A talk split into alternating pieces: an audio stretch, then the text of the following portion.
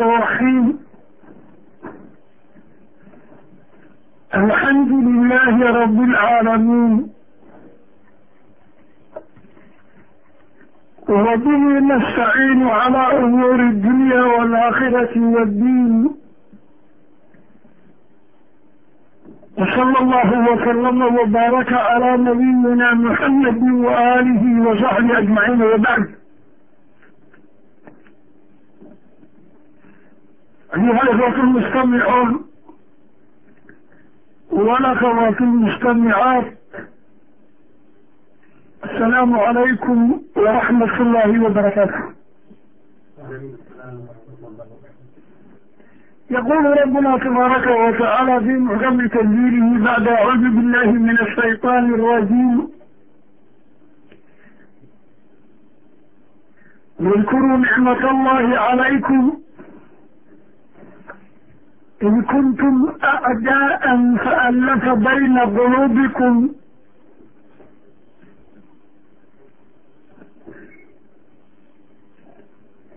فأصبحتم بنعمته إخوانا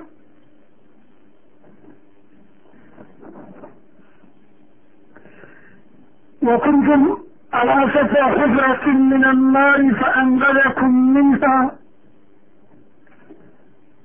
kadalika yubayinu allahu lakum aayaatihi lacallakum tahtaduun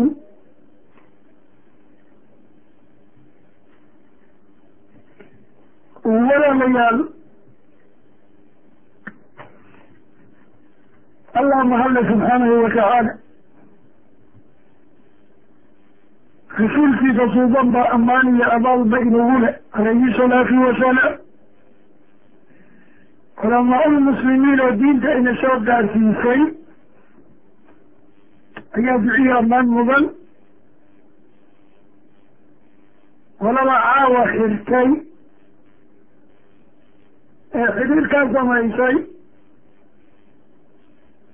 ayaan abaal u hayaa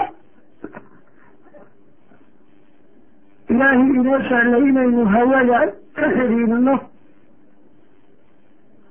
wasakara lakum maa fi samaawaati wamaa fi lardi jamiica minhu baynu mar labaad u mahadnaqaynaa subxaanahu watacaala kadib walaalayaal mawduuca caawa aynu u dooranay cashirkeenna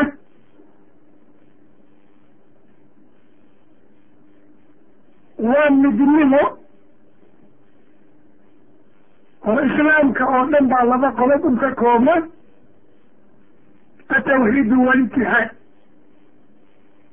ilaah in la waxido kadibna tawxiidkaa lagu midoobo. Marka waxtasimuu bixablillahi jamiican walaa tafaraquu sida ilaah noo faray subxaanahu wa inaynu xarga alla isla qabsanno aynaan kuna kala tegin kolka mawduuca caawa darsiga waa kaa waxaan rabaa saddex qaybood ama afarba inaan ka dhigo. Awalan amarka alliya rasuulka ay ina amreen. Yaan tilmaami doonaa. Kadibna dhibaatada khilaafka uu leeyahayna waan taaban doonaa. Waxaa kaloo walaalayaal taaban doonaa. Sabab macquulaba inuusan jirin oo laysku khilaafo. Iyadana waan taaban doonaa. Dabadeedna dardaarankii rasuulka calayhi salaatu wasalaam markii uu diray labadii saxaabi ee qiimiga badnayd mucaad ibni jabal iyo abuu muusa alashcari baa nabiga madiine ka diray. Wuxuuna u diray yaman. Dardaarankii uu ku ambabixiyey yasira. Walaa tucasira wabashira walaa tunafira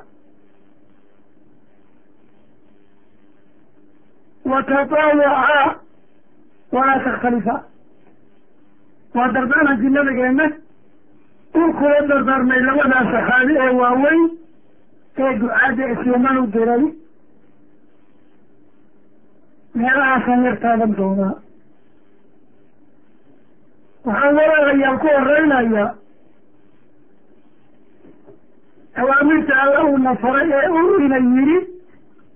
subxaanahu wa tacaala واعتصموا بحبل الله جميعا ولا تفرقوا إلهي حرقيسة إطلق بصدى كلمة الاعتصام إلا وحالة قرنا يحصل في أرقوي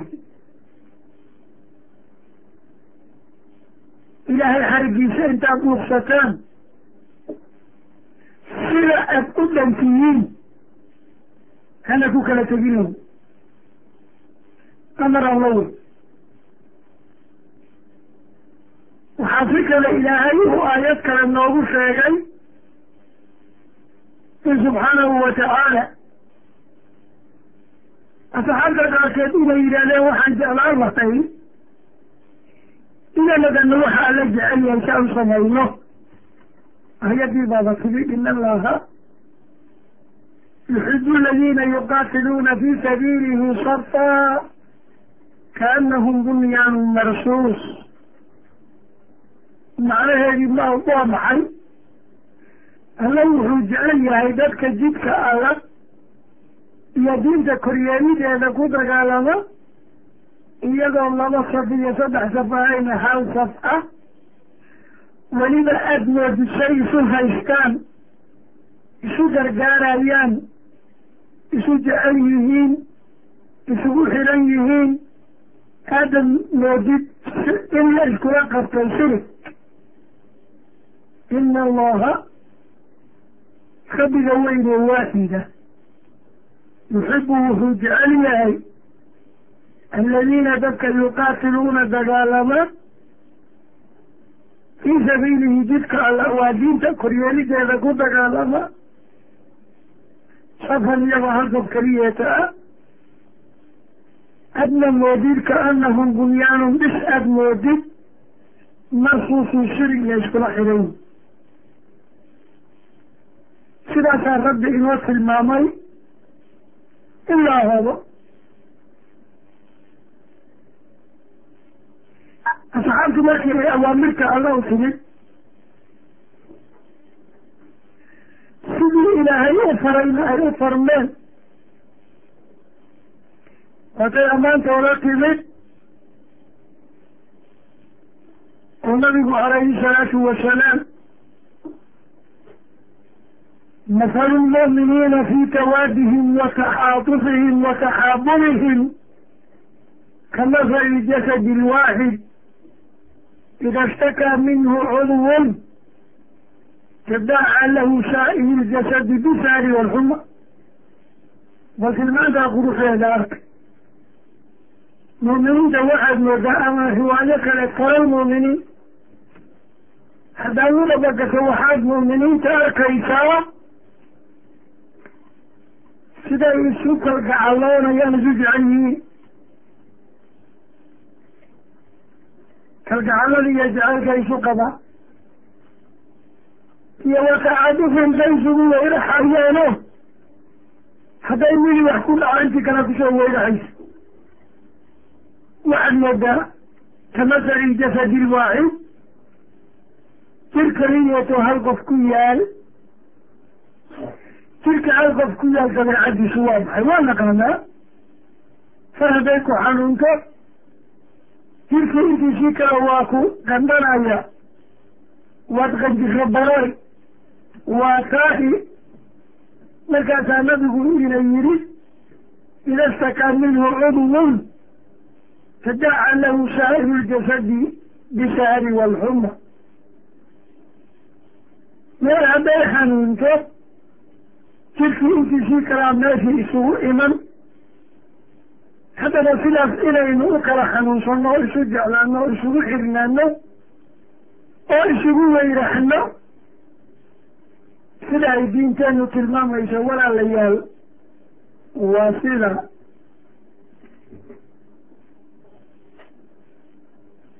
waxaad ka arkaysaa midnimada qiimiga ay leedahay. Salaada keliga aqalkaaga ku tukatid ama meel kalena ku tukatid.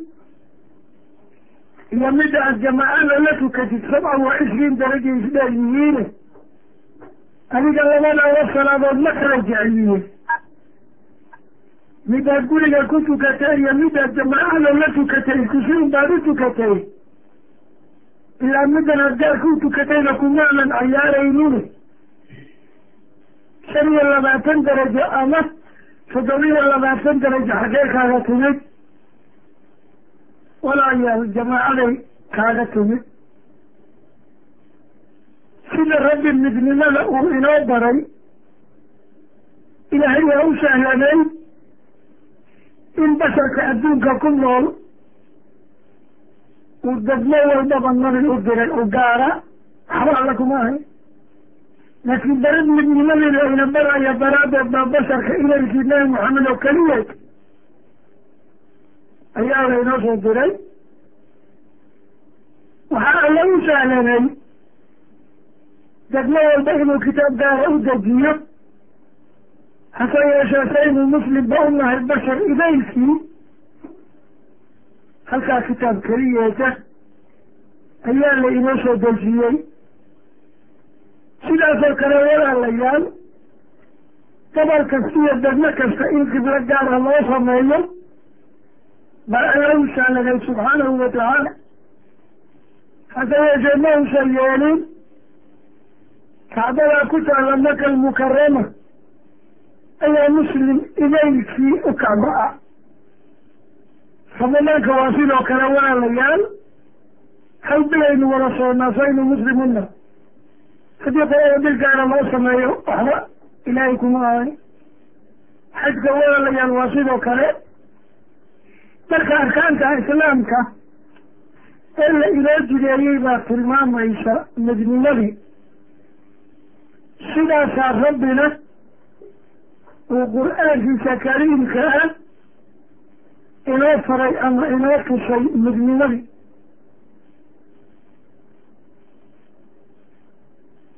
Nabigeena suuban calayhi salaatu wasalaam laba saxaabi ayuu diray yaman buna u diray. Labadii saxaabigu wuxuu ku yidhi yasira dadka aada u tegaysaani waa dad cusube sahlo diintaa ku adkaynina yasira fudaydiya diinta walaa tucasira ha adkaynina diinta. Wuxuu nabiga ku yihi wabashira dadka khayr iyo wanaag u sheega. Walaa tunasira ha kala eryina dadka waxaa nabiga faqradan u dambaysa weeye xadiidka daliilkeene. Wuxuu nabiga labadii saxaabi ku yihi tatawacaa walaa takhtalifa iskala yeela. Marnaba iskhilaafina tatawacaa is-ateeco iskala yeela. Salada kala qaata iskusa dabadeed ku dhaqaaqa walaa takhtalifa marna iskhilaafina waa macaali bni jabal iyo abu muusa alashcari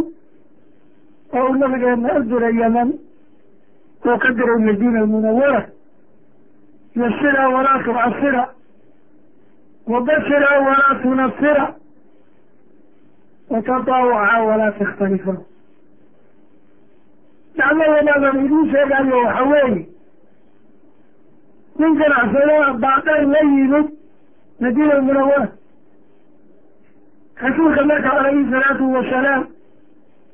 abubakar iyo cumar ayaa labada dhinac ka socon jiray mar walbaba. Labadiisii wasiir haddii la yidhaahdo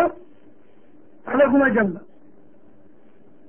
markii ninkii dharka watay ay u yimaadeen saddexdoodii ayaa abubakar hadlay yaa rasuulallahi ninka dhar fiican buu wataaye laba go. Ood wafdiga ku imanaya ku qaabisid oo shirarka aad ku hogaamisid oo jumcan iyo jamaacada nagu tujisid ka qaaduu yiri markaasaa nabiga cumar ku yihi adigana say kula tahay. Yaa rasuulallahi waa ku raacsanahay buu yihi dhar fagaaro oo maalmaha aada qaadatid munaasabada ay jirto oo fiicanta abukarna waa ku raacsana nabigaas wuxuu ku yidhi labadoodii law tadaktuma ma اkhtalaftukumaa macnaheedu waxaa weeye markaad kale iisoo jeedinaysaan sida dharkaan oo kale haddaad idinku iswaafaqdaan ood hal ra'yi noqotaan abidka idin khilaafi maayo wey idinmaba khilaafeen wey ee waxaa igu daran markaad idinku iskhilaaftaano? Haada midkan la qumanay midkaan la qunaan weyda low itafaktuma haddaa iswaafaqi lahaydeen makhtalaftukuma idinma khilaafeen wey walaalayaal nusuusaas qur'aanka iyo xadiidka ee rabbigeen iyo rasuulkeena ka sugnaatay marka intaa ku daayo oo khilaafka dhibku leeyahay arigintaas siiyo magaalada madiina almunawara rasuulka ka hor intuusan iman calayhi salaatu wasalaam boqol iyo labaatan sana ay olahaayeen shaqiir gawraca kolkuu nabiga yimid calayhi salaatu wasalaam ow rumeeye inay raaceen ay diintii qaateenna khilaafkii iyo baa baaba-adoo walaalay noqdeen. Iyadii baa markaa nabigu xusuusinayo calayhi salaatu wasalaam hayada marka uu rabbi u sheegayey wuxuu ku yihi wadkuruu xusuusta saxaabay nicmatallaahi alla barwaaqadiisa uu calaykum korkiina nicmeeyey maxay ahayd nicmadaa laydiin nicmeeyey? In kuntum acdaan waa ninkii ol ahaan jiray oo boqol iyo labaatan sano dagaalamayey shakiir gawraca ahaa in kuntum acdaan kolkaad colol ahaan jirteen faalafa bayna quluubikum nicmada wey ilaah baa laabtiina isu damo isku dubay oo qalbigiina kalgacalo isu geliyey faalafa bayna quluubikum wey dabadeed fa asbaxtum waxaad ahaateen binicmatihi allan galladiisa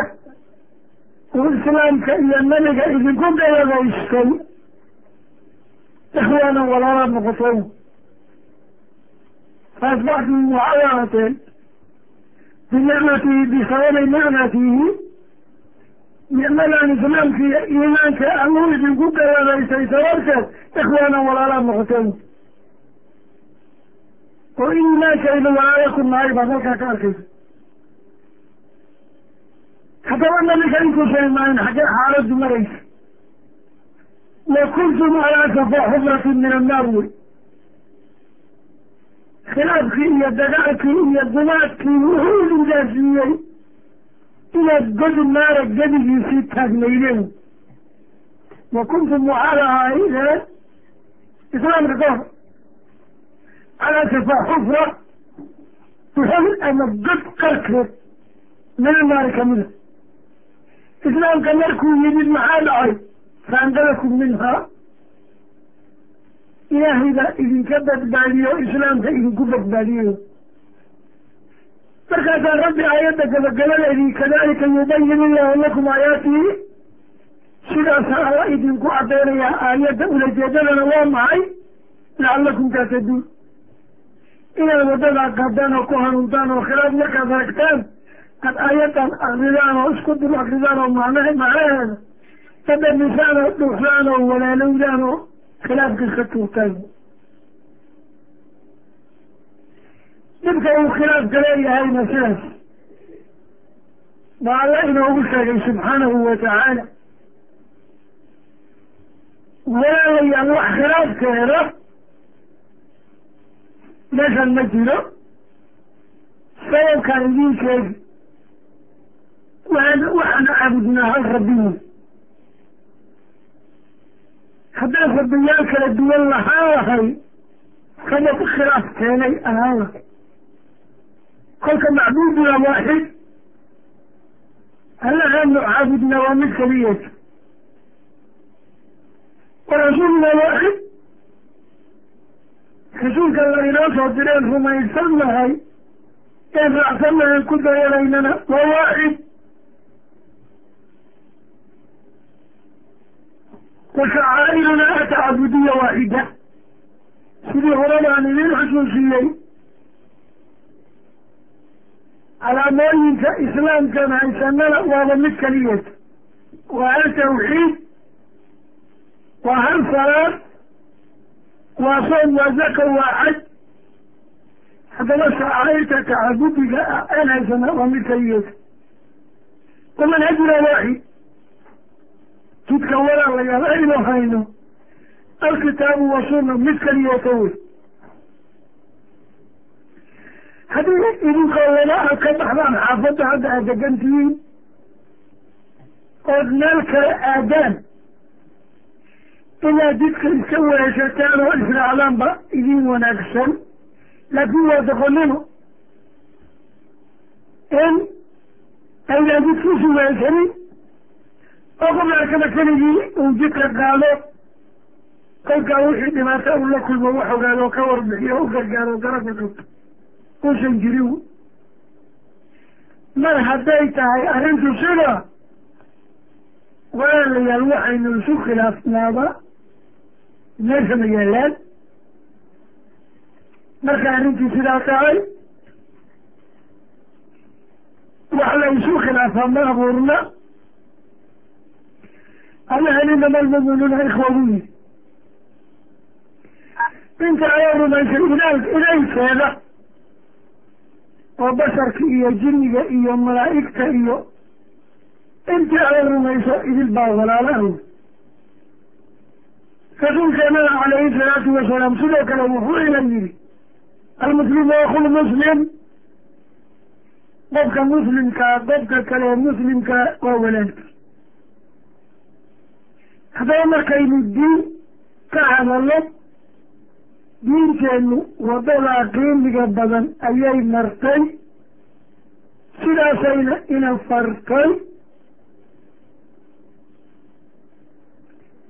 Maxay ku iman kartaa inaynu iskhilaafno kolka?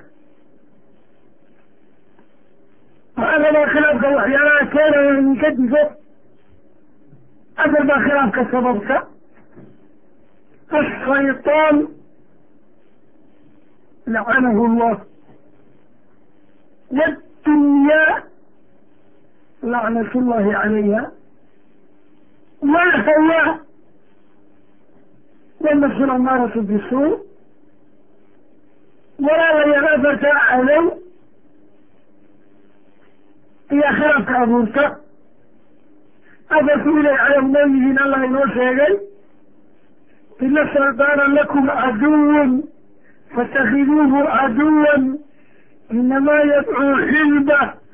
liyakunuu min asxaabi asaciir waman yatakidi shayطaana waliyan min duuni illaah faqad khasira khusraana mubiinan walaalayaal cadowga koobaad ee khilaafka abuuraya waa shaydaan isagana waa nacas hubma wato ciidan ma wato lacag ma wato wuxuu adeegsadaa waa laba shay alwaswasatu watadyiin sayana lahumu shaydaan waxnaro inuu baatilkana kuu qurxiyo xaqana uu ku foorxumeeyo qulubtana uu kaa waswaasintaas adeegsadaa waxaa ku fiilan nacabkaas adoo gartay acuudu billahi min ashaytaan irajiim kolkaa cadowga koobaad walaalayaale inugu abuurayo cadaawadda xaqa inaga leexinaya waa shaydaan ka labadeed waa adduunyo wey nabigeena muxuu yi addunyaa malcuuna malcuunatun maa fiiha ilaa caalim wa mutacalim wadikrullah wamaa waala diinta mid lagu yaqaan iyo ka baranaya ardaygaa iyo xuska alle iyo wixii inta raacsanun maahe. Adduunya wax dhexeeyaan la malcuunad wey haddaba adduunyadaas wayna kala dilaysaa waana isku keen dilaysaa iyadaana abuuraysa walaalayaal nacaybka iyo khilaafka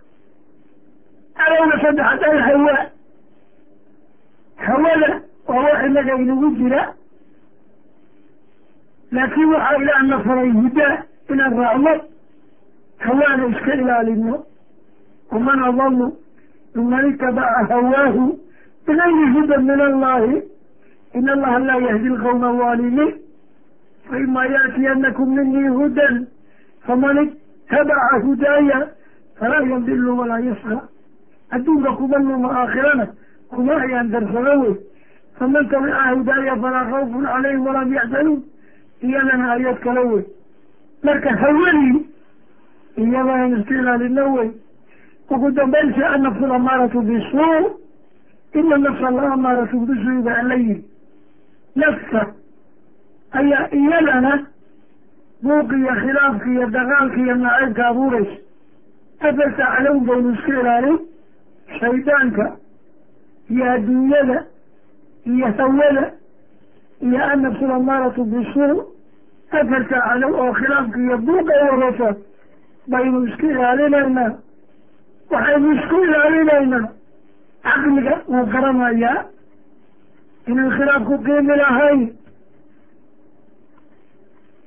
Islaamkuna waa kaynu aqrinayna caawooda nusuustiisa. Idankeed waxay nagu tahawulinaysaa inaynu walaalayaal walaalnimadeena ilaashano haddaba caqliga iyo islaamka haddaan raacno afarkaana ka leexano adduun iyo aakhiraba way inoo hagaagayaan haddaba walaalayaal khilaafka sida I'm sorry, you have no credit remaining. Thank you. Goodbye.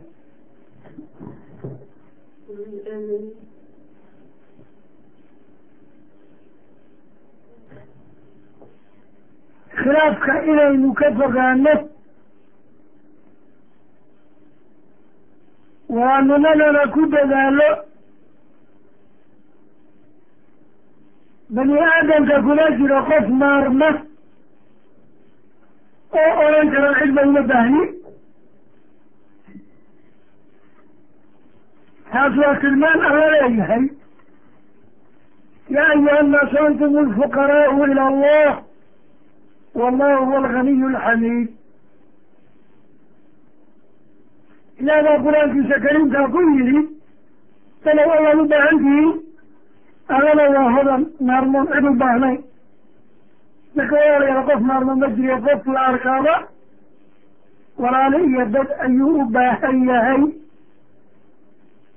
sidaas daraaddeed waxaa lagama maarmaana inaad walaalada ilaalisid ood ilaashatid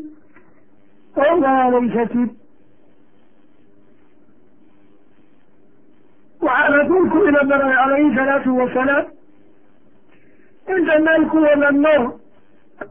yaa hogaaminaya ya umu qawma aqra'uhum likitaabillahi baa rasuulku yiri dadka meel ku wada nool baa qoom la yidhahdaayo waxaa hogaaminaya ka kitaabka alla u yaqaan hadday ku sugan yihiin kitaabkana ka sunnada u yaqaan. Hadday sunnada ku sugan yihiinna midka islaamnimada ugu soo horeeyey sidaasa ilaahay xaggii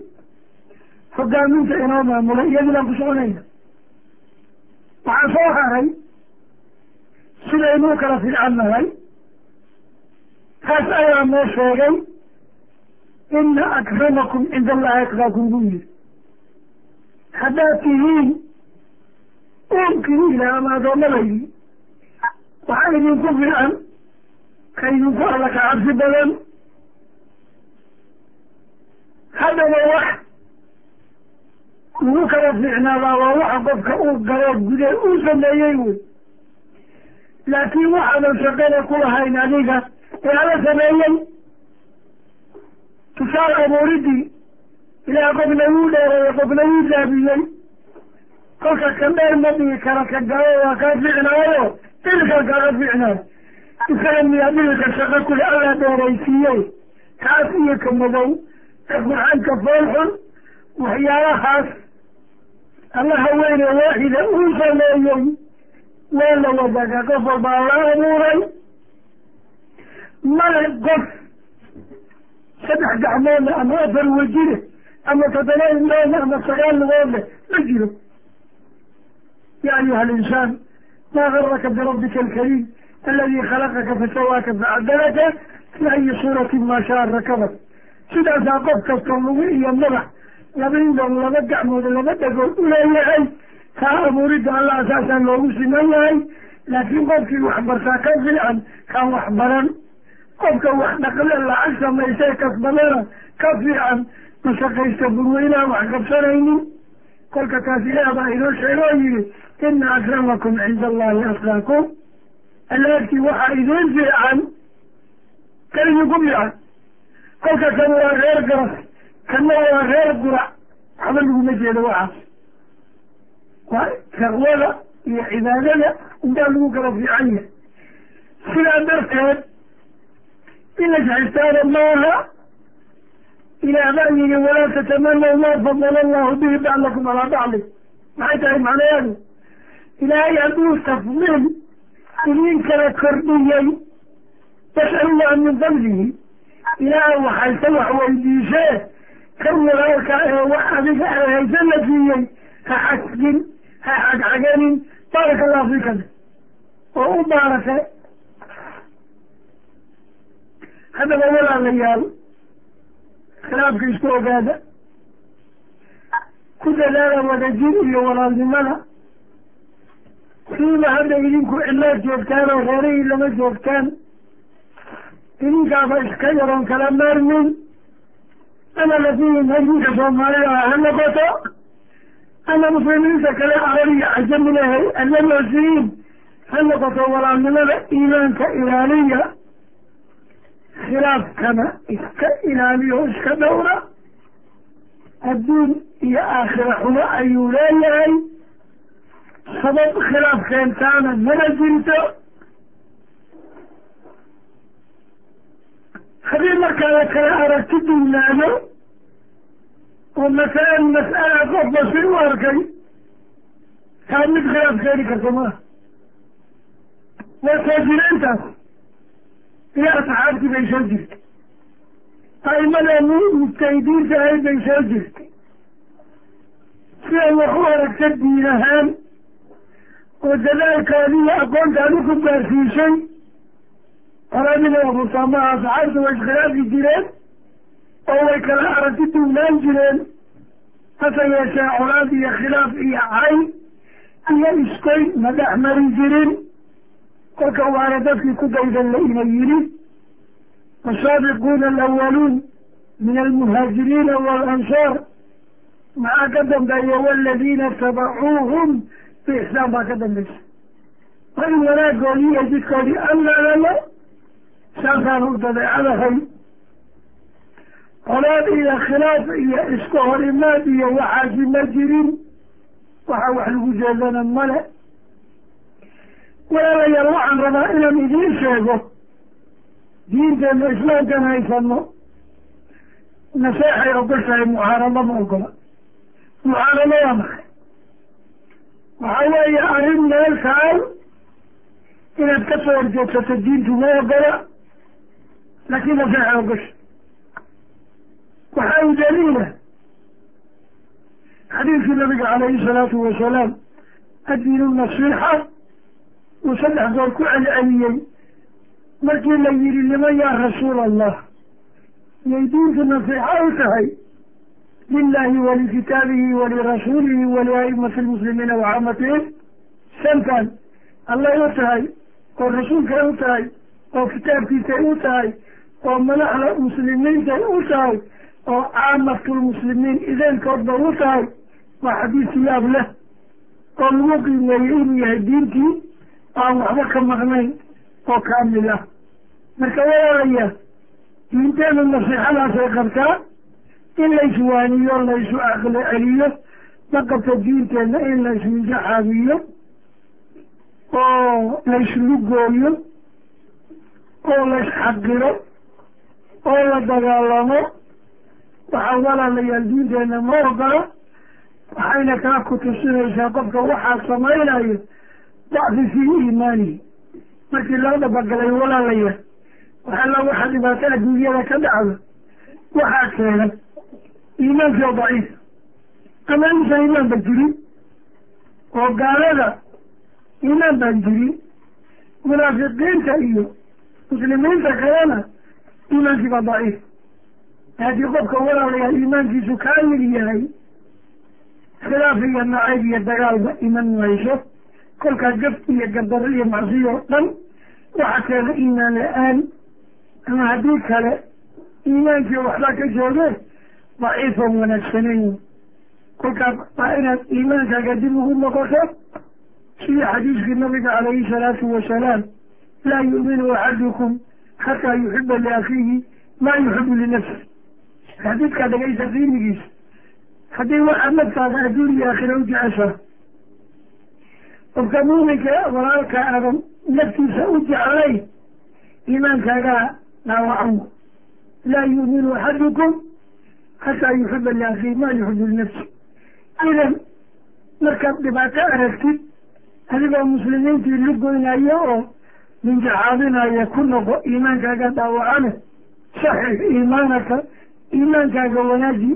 dabadeedna qofkan hadduu gafo amuu wax sameeyo nabigeena kolkuu naseexeeye calayhi salaatu wasalaam. Oo naseexada laga qaadan waayo allahuma hal ballaqtu allaahuma fasad buu dhihi jiri haddii qofkii uu kugu madaxtaagana ilaahna bari inuu soo hanuuniyo allaahuma hal ballaqtu alla waxaad ila jirtay ma gaarsiiyey allaahuma fashal ilaahu mare ka noqo intaasaa kugu filan marka haddaba walaalayaal iska ilaaliya khilaafka ku dadaala walaalnimada darsigii.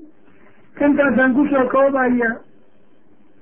wixii wakti ee idiin dhiman. Waxaad u bedelaysaan xagga su'aashiya jawaabta. Wixii aad su'aal qabtaan soo gudbiya. Waa laydinka jawaabaya ama waa la garan waayi doonaa? Wabillahi tawfiiq wasala allahu wasalama wabaaraka calaa nabiyina muxamed wa aalihi wa saxbihi ajmaciin wasalaamu calaykum waraxmat ullahi wabarakatu وعليكم السلام ورحمة الله وبركاته جزاك الله خير الجزاء الشيخ الفاضل عمر فاروق أخي الفاضل الزيوت تفضل أخي الكريم سؤال سوري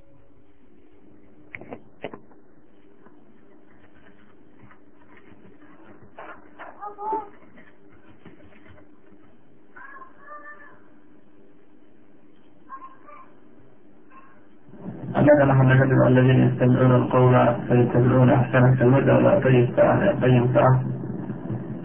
قابلت قلبها إلهي سبحانه وتعالى قلبها قرورية شيخ هذا سؤال سؤال شيخ وحيث مثلا شبكتنا استعمال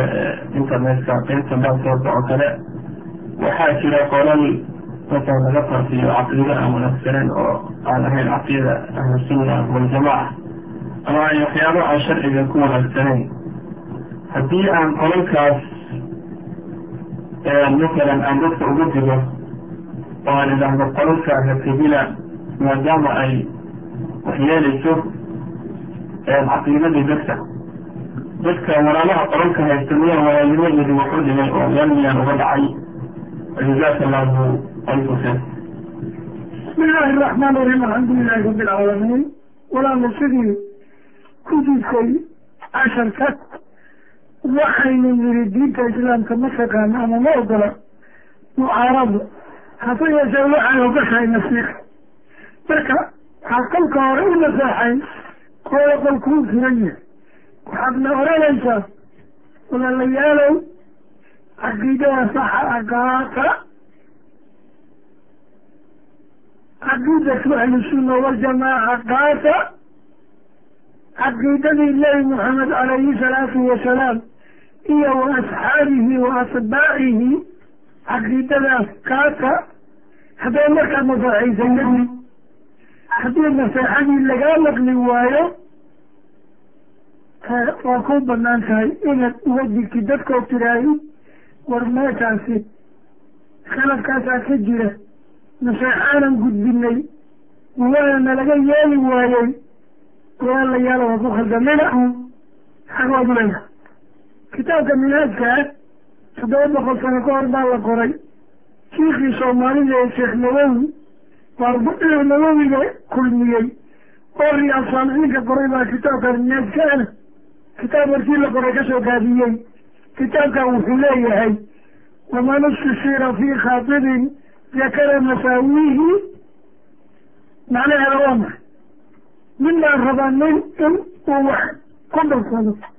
masalan gabadhiisii buu weydiistay kan gabadha la weydiistay kan weydiistay ma yaqaan. Anigaa laakiin yaqaana kan wax weydiistay. Wuxuu ku yidhi ninkaasoo taqaan baa gabadhi weydiistay.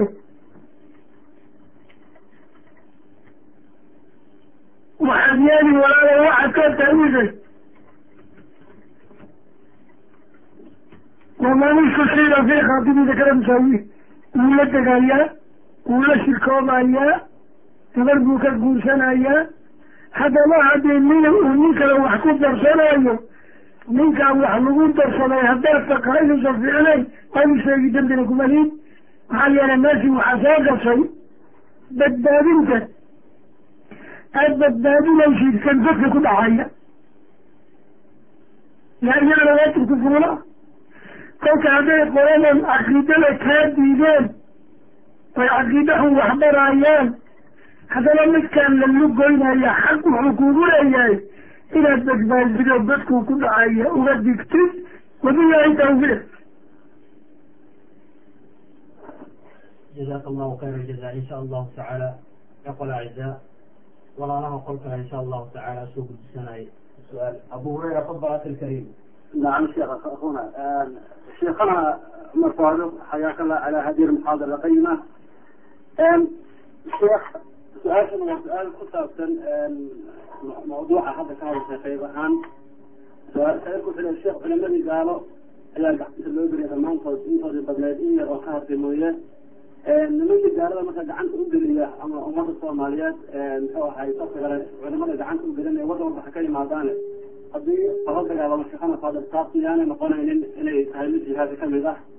kale tafadal sheekana fadal bismi illaahi raxmaani raxiim wabacdu walaalayaal markaynu u noqono taariifka jihaadka jihaad maxaa la yidhaha sideeda? Waxaa la yidhaah badlu nafsi wixii juhd iyo awood la leeyahay xoog iyo xaad xoog iyo xoolo wixii la hayo oo lagu bixiyo liixqaaqi alxaqi wa ibtaali albaatili in wixii xaqa la sugo baatilkana la baabi'iyo taasaa jihaad la yihaa markuu nabiga makal mukarama joogay madiinada uusan weliba tegin jihaadka bimacna alqitaal ana aan la waajibinin dagaalka gacanta ah ilaahay nabiga wuxuu ku yihi falaa tudici ilkaafiriin wajaahidin bihi jihaadan kabiira gaalo markeed ha yeelin qur'aanka kula dagaala. Wajaahidhum bihi bilqur'aan jihaadan kabiira kolka qur'aankii dadka loo sheegayay wacdigii iyo waanadii ayaa waxaa lagu sheegay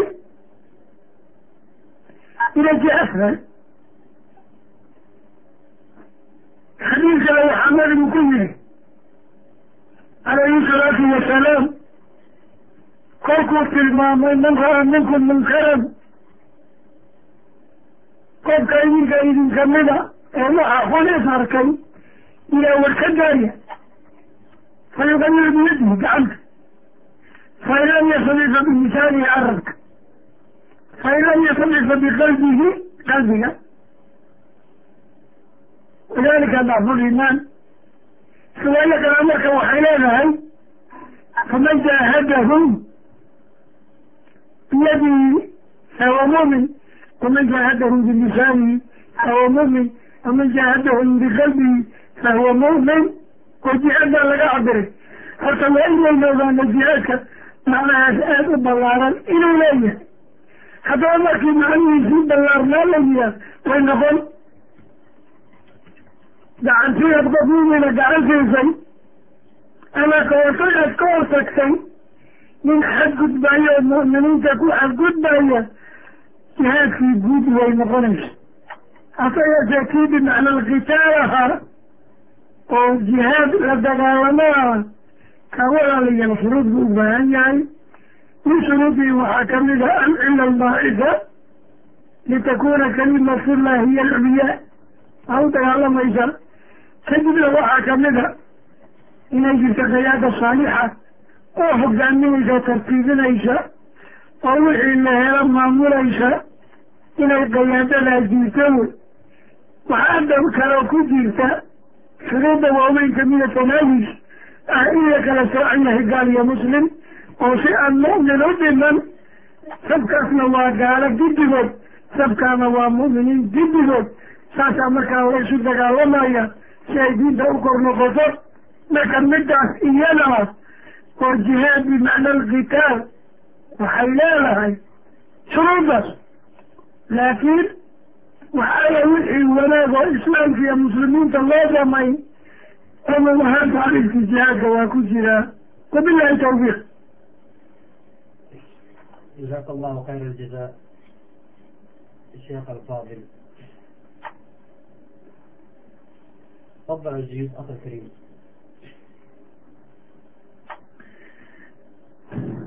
جزاك الله خيرا شيخنا الشيخ عمر كل سؤالها انت ولا خير لي سؤال هو شوف حال iyo xoolaluhu asiradihi waxaa ku noqdeen sheekha su-aashan waa su-aal aniga xaggaysa socota sheekh waad og tahay milyahan adduunyada iyo waxyaabaha ku socda marka waxaad ka batay fitaawihii iyo dhalinyaradii oradkii ay culimada hor ordayeen oo marba maalinta ay sheekha jir u tagaan ay masalan sabso uu qofka doonaya siduu rabo in lagu loogu jawaabo marka sheekh maxaad dhalinyarada kugu naseexan lahayd maadaama masalan uu adduunyada ay hadda waxaweyan iska soo rubaatay oo waxyaaba badan oo waaweyn ay ka dhacayaan nasiixo caamo baraarujina dhammaan dhalinyarada daalibulcilmiga ah. Baan ka codsanaya biidnillahi tacaala in aada u soo jeedisay. Jazaaka allahu khayra bismi illaahi raxmaan iraxiim wabacdu ilaahay qur'aankiisa kariimka wuxuu walaalayaa lagu yidhi fas'aluu ahla dikri in kuntum laa taclamuun haddii idinku aqoonta idinku yaqaanaydaan wax aqoonin. Dadka wax yaqaanaa wax weydiiya. Haddaba walaalayaa dadka wax la weydiin. Ama fadladooda la qaadan. Saddex shay baa shardiga iimaankan kadib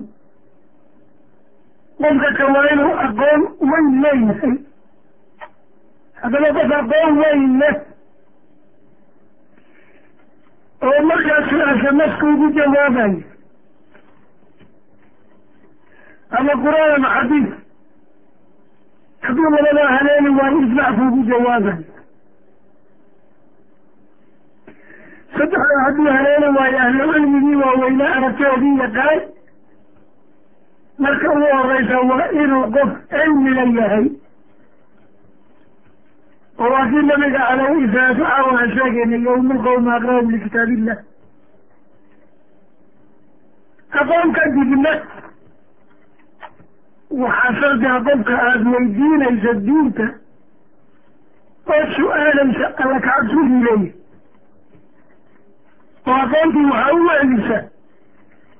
alla kacabsi waa qof alla kacabsanaya oo taqiya arrinka saddexaad ee laga rabo qofka aad wax weydiinayso aqoon iyo alla kacabsi kadib waa inuu usluub iyo anshax leeyahy usluubigaas xawaama waa qodob gaaban oo edboon oo uruursan oo garanaya fatwada qiimigay leedahay kolkii asxaabta wax la weydiiyey iyagoo garanaya buu oran jiray hebel u soo weydiiyo wuxuu ku yidhaha ila soo maro. Kolka fatwada qofka la weydiinayo waa qof lagu gowracay muddo aan arlahayn sidaa daraaddeed ayaa qofka aada walaayaad weydiinaysaan diintiina ha noqdo qof iimaan weyn leh aqoon badan leh alla kacabsi leh usluubiyaa saxle inaguna qadaynu soomaalinahay walaalayaa dad aad iyo aad u yar baynu nahay culamadii waaweyneyd waa og tihiin inay dhamaatay sheekh maxamed macalin baa dhintay sheekh maxamed cabdalla soomaal oo maka joogi jiray baa dhintay sheekh maxamed haadi baa dhintay oo sheekii keniya ahaa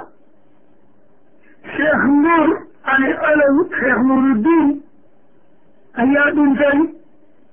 marka wixii inoo haray mubtasinna waxaad yeelaysaan shariif cabdinuur ayaan tilmaamahan sheegaya ku huba aqoon iyo alla kacasi iyo usluub iyo anfac marka shariif cabdinuur wax weydiista dadka yar yar ee dalabatul cilmiga ah dadka waxaan leeyahay cashirkii aan aw awa dhawayjeedi yaa bunayir kabna calaa walaa takum maca alkaafiriin wabillahi tawfiiq جزاك الله خير الجزاء الشيخ الفاضل شيخ عمر فاروق أنت الله